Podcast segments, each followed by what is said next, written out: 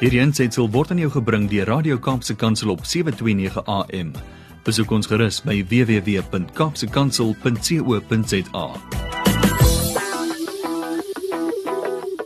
Goeiedag en baie welkom by die program Markplek Ambassadeurs aangebied deur CBC van Suid-Afrika. Julle luister na Radio Kaapse Kansel op 729 AM. En dit is vir my 'n voorreg om weer vandag te gesels met 'n gas hier in die ateljee is nou wel telefonies en ons sit nog steeds in 'n in hierdie tyd wat ons nie regtig mag by mekaar uitkom nie en dit bietjie moeilik is. So ons gebruik die tegnologie um, om om onderhoude te, te doen hier uit die ateljee uit. En Tabo, jy sit daar ver van my af. Baie welkom. yes, sir. I am very very good. Uh once again, it's so it's always good to really be on your program. And uh yeah, thank you for having me. Uh ons gaan vandag verder gesels um, oor die onderwerp wat ek en Tabo laasweek begin het en as jy laasweek se program gemis het, wil ek jou aanmoedig om bietjie te gaan luister uh, op die potgooi hier van Radio Kaapse Kansel op hulle webblad. Ons het begin gesels oor sy boek met die naam van Daddy Please Come Home en wat die hele situasie aanspreek rondom ehm um, kinders wat groot raak sonder paas om verskeie redes en die en die ehm um, ekonomiese, sosio-ekonomiese en ander gevolge wat dit wat dit het en hoe dit kan herstel en wat is die redes en die oorsake vir al die goed. So gaan luister maar gerus asseblief na laasweek se program.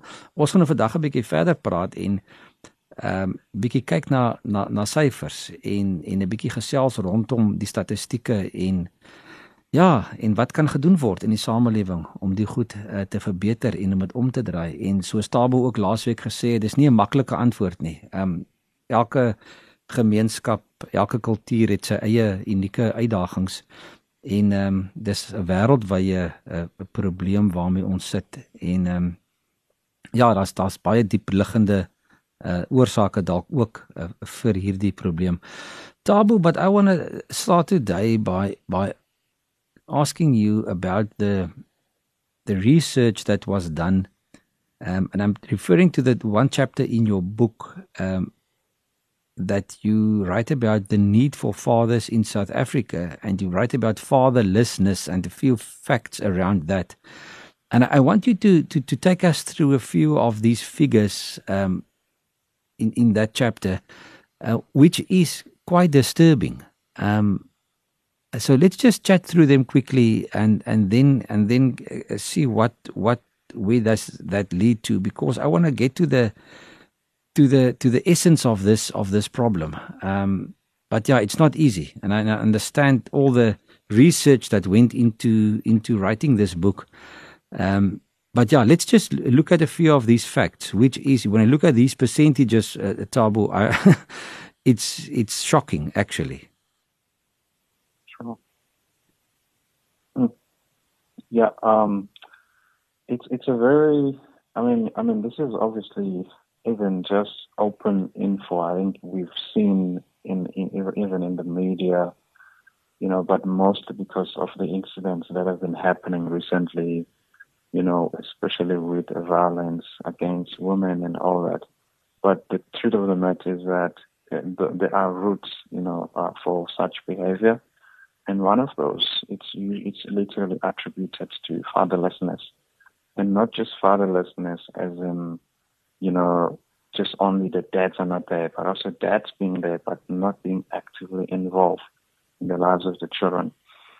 And so, I mean, when you look at some of these that these figures here, I mean, I mean, this is, this is the research obviously done by by Freaks in 2013 and also 2016 but also you have other figures that also research done by Yogasi Justin. He's very much involved in terms of the world needs a father.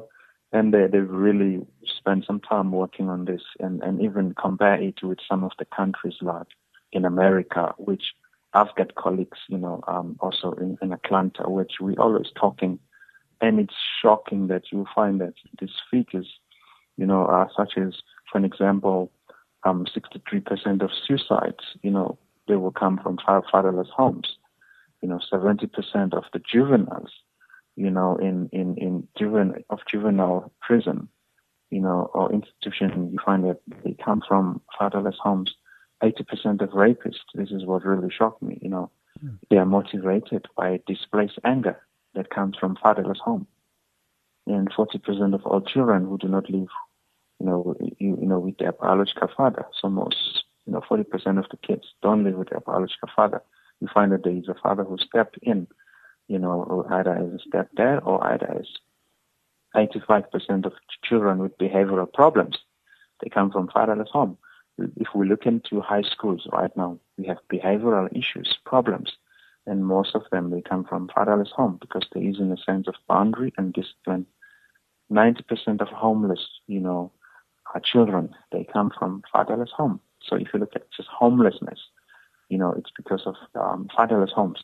It's interesting that when I spoke to my colleague in Georgia, Atlanta, you know, she said that right there in, in Atlanta where Dr. King, you know, propagated for social reforms, there's such a high level of homelessness, which it's not just a South African thing. This is really something that's broader. 71% of children who don't finish schools, they actually come from fatherless home. So, and this is really something that is uh, like so real out there. So, obviously, this is concerning uh, because uh, it, because you you then will find men committing 90% of major crimes, men committing 100% of rapes, you know, obviously, and you find that men committing 95% of burglaries. You know, it's rare you find women doing burglary, you know, and you find that men committing 90% of offenses against family, homicide, you know, and most of the drunken drunken driving that you see, it's men, obviously, and and they drink why to numb the pain, the pain of uh, have also not really being loved, absence. So they're using alcohol as a coping mechanism, or any substance that they use. So yeah, it's quite a shocking, quite shocking statistics. But yeah.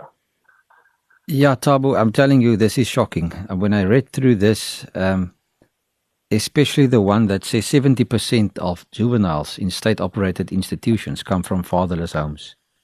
Um, yeah. Then 85% of children with behavioral problems come from fatherless homes.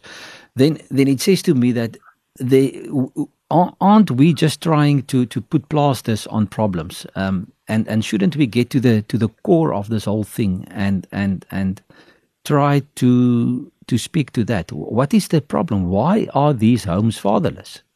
Um, because if we can answer that question, then I'm sure we will we will solve a lot of problems in our country and even in the world even. You know, um, you know uh, the, the, the interesting part about it. You know, the thing is that you know I'll give you like a few reasons. One, from a spiritual point of view, you know, there is an attack over man. There is mm. obviously the enemy is after man, is after family. You know, right in the beginning in Genesis, the enemy you know, he was always against family. Mm. That's one thing he's, he's against. So he will assault family.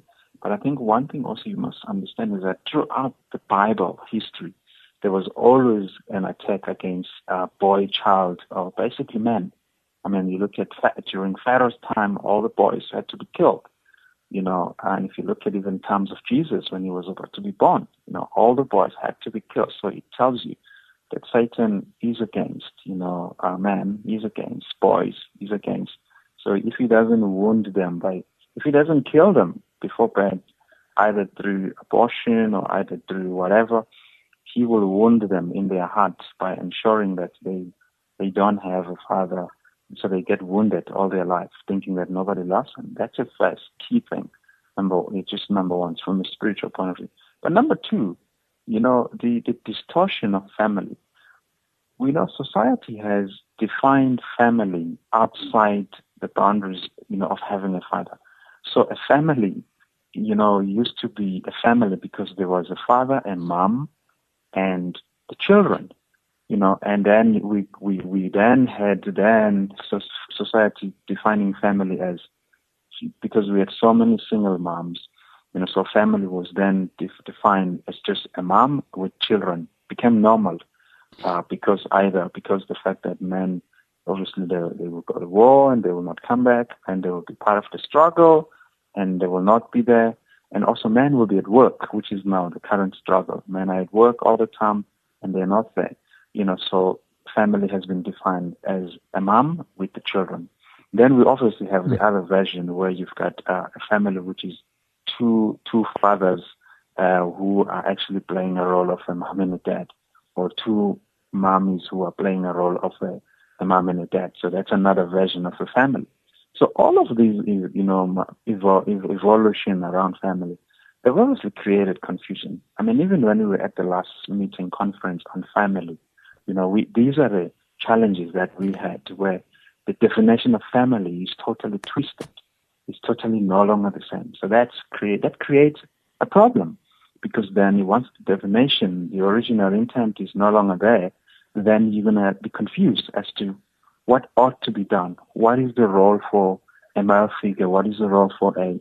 So there's then a lot of a distortion, and that's why we need to then go back to ancient times in terms of what is family, you know, what is the role and the purpose of family, and and and that's where my heart in terms of writing this book is to really get the right the list the reader to really get at the core of that that we gotta get back to ancient parts. Thabo, what can we as husbands and fathers and men do um, to educate um, the young fathers and the men of, of this country uh, to take up their responsibility um, uh, towards their, their wives and their families and their children? You know, the first thing that I, I believe that needs to be done, you know, is really, I mean, I'm, I'm not that, you know, I'm, I'm blowing a horn or what.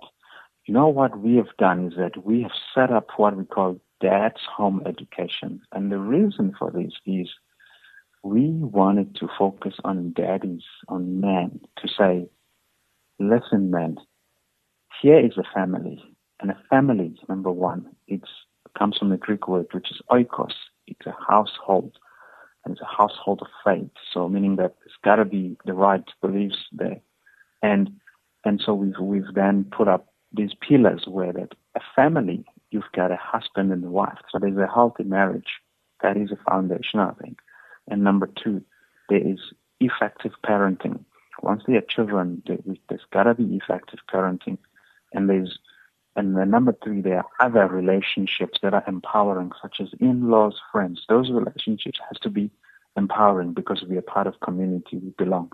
And the fourth part, there's got to be a sense of legacy. And right there in the family, the role of a man is key, is, is to be a custodian of the blessing of the Lord and to be a, and to be a leader in terms of uh, shaping the values, the culture, and set the culture and that culture should be a culture that is healthy, that is there. And I strongly believe that once we begin to really start talking to men around these, start teaching them, start really helping them, they, they will first understand. Because I'll tell you, maybe I don't have the actual figures, but I can tell you that maybe probably over 70% of, of men, they don't know what it means to be a man. Mm. Most of the, I mean, I was in a conference and I spoke and I said, um, when do you become a man? When does someone become a man? the answers were mostly when you turn 21, hmm. when you have a wife, you know, when you have a child. Those are the answers. And then, and then, and then I, and then my, my response to them was that you actually become a man when your father says you are a man. So it means that it is your father who can actually confirm that, you know what, you have come of age. You actually are a man.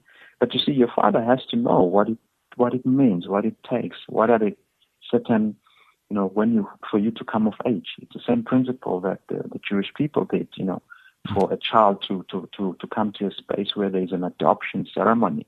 There were certain requirements that had to be placed in there.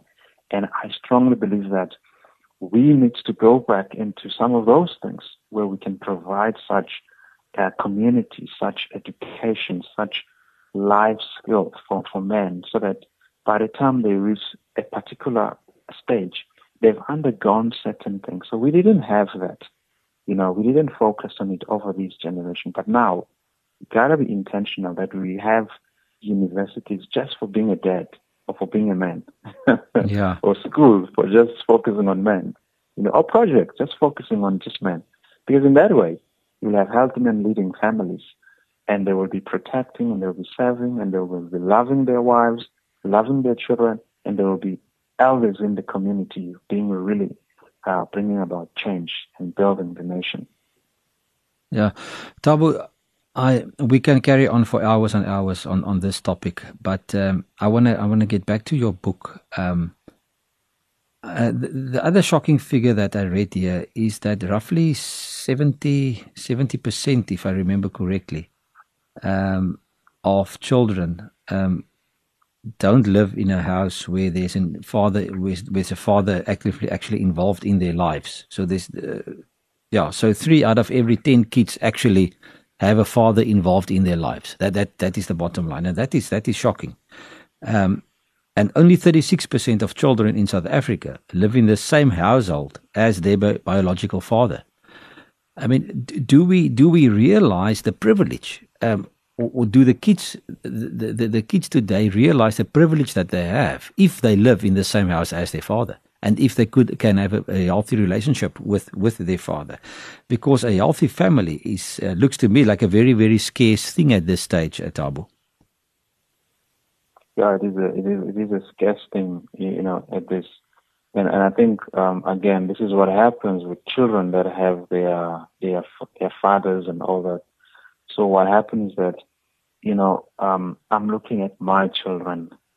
You know, uh, we are available. They are being homeschooled. We, I am there to, to, to do soccer with them. I'm as a coach, mommy as this and this, and we are learning with them. And you realize at time that um, sometimes you feel that they understand that they, they really are grateful but sometimes you begin to see the manipulation again that comes from them. You know, you realize that, oh, there is a sense of entitlement, you know, that they feel they're entitled to, to this mm. and, and, and all this, which are all both of those things. But at the same time, we've spent time with children that didn't have parents, and we realize again, there's such a strong sense of entitlement that everybody now should feel sorry, and so they begin to manipulate you know, everyone that comes. So, you know, in orphanages and in those places, children can be so manipulative. They use that as a draw card for attention. So all of these things, once again, they go back to that thing of, of really, really, you know, uh, uh, really emphasizing that, you know, it's family first. So if we could all emphasize that part that it's family first. So even if children don't have a father, but you know, they can still have a, a community. Like we, we were raised in villages where, uh, you know, any any child is your child. You know, that is around there. So you, they have, you can be involved. You can raise them up. You can really walk with them. But now, with the, with the, with the human rights and with so many things, it has become very, very, very difficult. And you need to literally understand there's a war that constantly needs to be fought to really get this in. Thabo, I, I, I, still want to chat to you about the importance of the of the father's uh, presence during the first uh, one thousand days of which you call it in your book uh, um, of a child's life. In other words, the first three years, um, two and a half years, that the father should be involved in the development um, of of the child, as well as the the bill that was passed in Parliament last year uh, for for paternity leave uh, where mm. the father can actually be involved there. So many things that we can still chat about. I think we'll have to do that next week um, because That's we right. are we are busy running out of time once again. Um, Twenty minutes goes goes so goes so quickly. But Thabo, let, let let's let's send the listeners home with something to think about uh, this week. What is the one challenge that you want to give to to fathers for this for this coming week? My one challenge is that um, you know, that I want to leave to fathers is that, you know, before you can do anything, obviously, you want to get the right education for it. And I know that uh, there has there is a gap when it comes to relational education and, and family education, especially with men. Women, we don't read things that could somehow spark up emotions or or, or any of that because either we were hurt and so we build walls if there's one thing I want to challenge, you know, men, is to really begin to get in touch with those areas because, you know, the children need you to be open, to be to be really open to, you know, speak from the heart, you know, share things that are deeper, my heart to heart. They mm-hmm. long for that, you know. So, so even when you are home, they want emotional connection and validation. You can be at home but be totally not connected emotionally, and you find that, you know, it's the same. So one word that I had written in the book is that most children suffer from emotional abandonment, and because their fathers they never speak words, they never authentic, authentic you know, they don't just they don't say honest feedback, you know, you know, just how I love you, my son, I love you, my daughter. So because of the absence of words, children grow up with holes. They feel a sense of feeling incomplete and all that. And so negative, you know, absence of words is the same as negative words. And that's what it's one thing that I can really, really, really live with uh, the dads is that, you know, if you don't know how to do this, learn. Go learn. Go get a book. Go, know, connect with other men. Don't just be there and assume that things are okay. You know, that's one thing that might be making the children to be the way they are. We gotta connect first.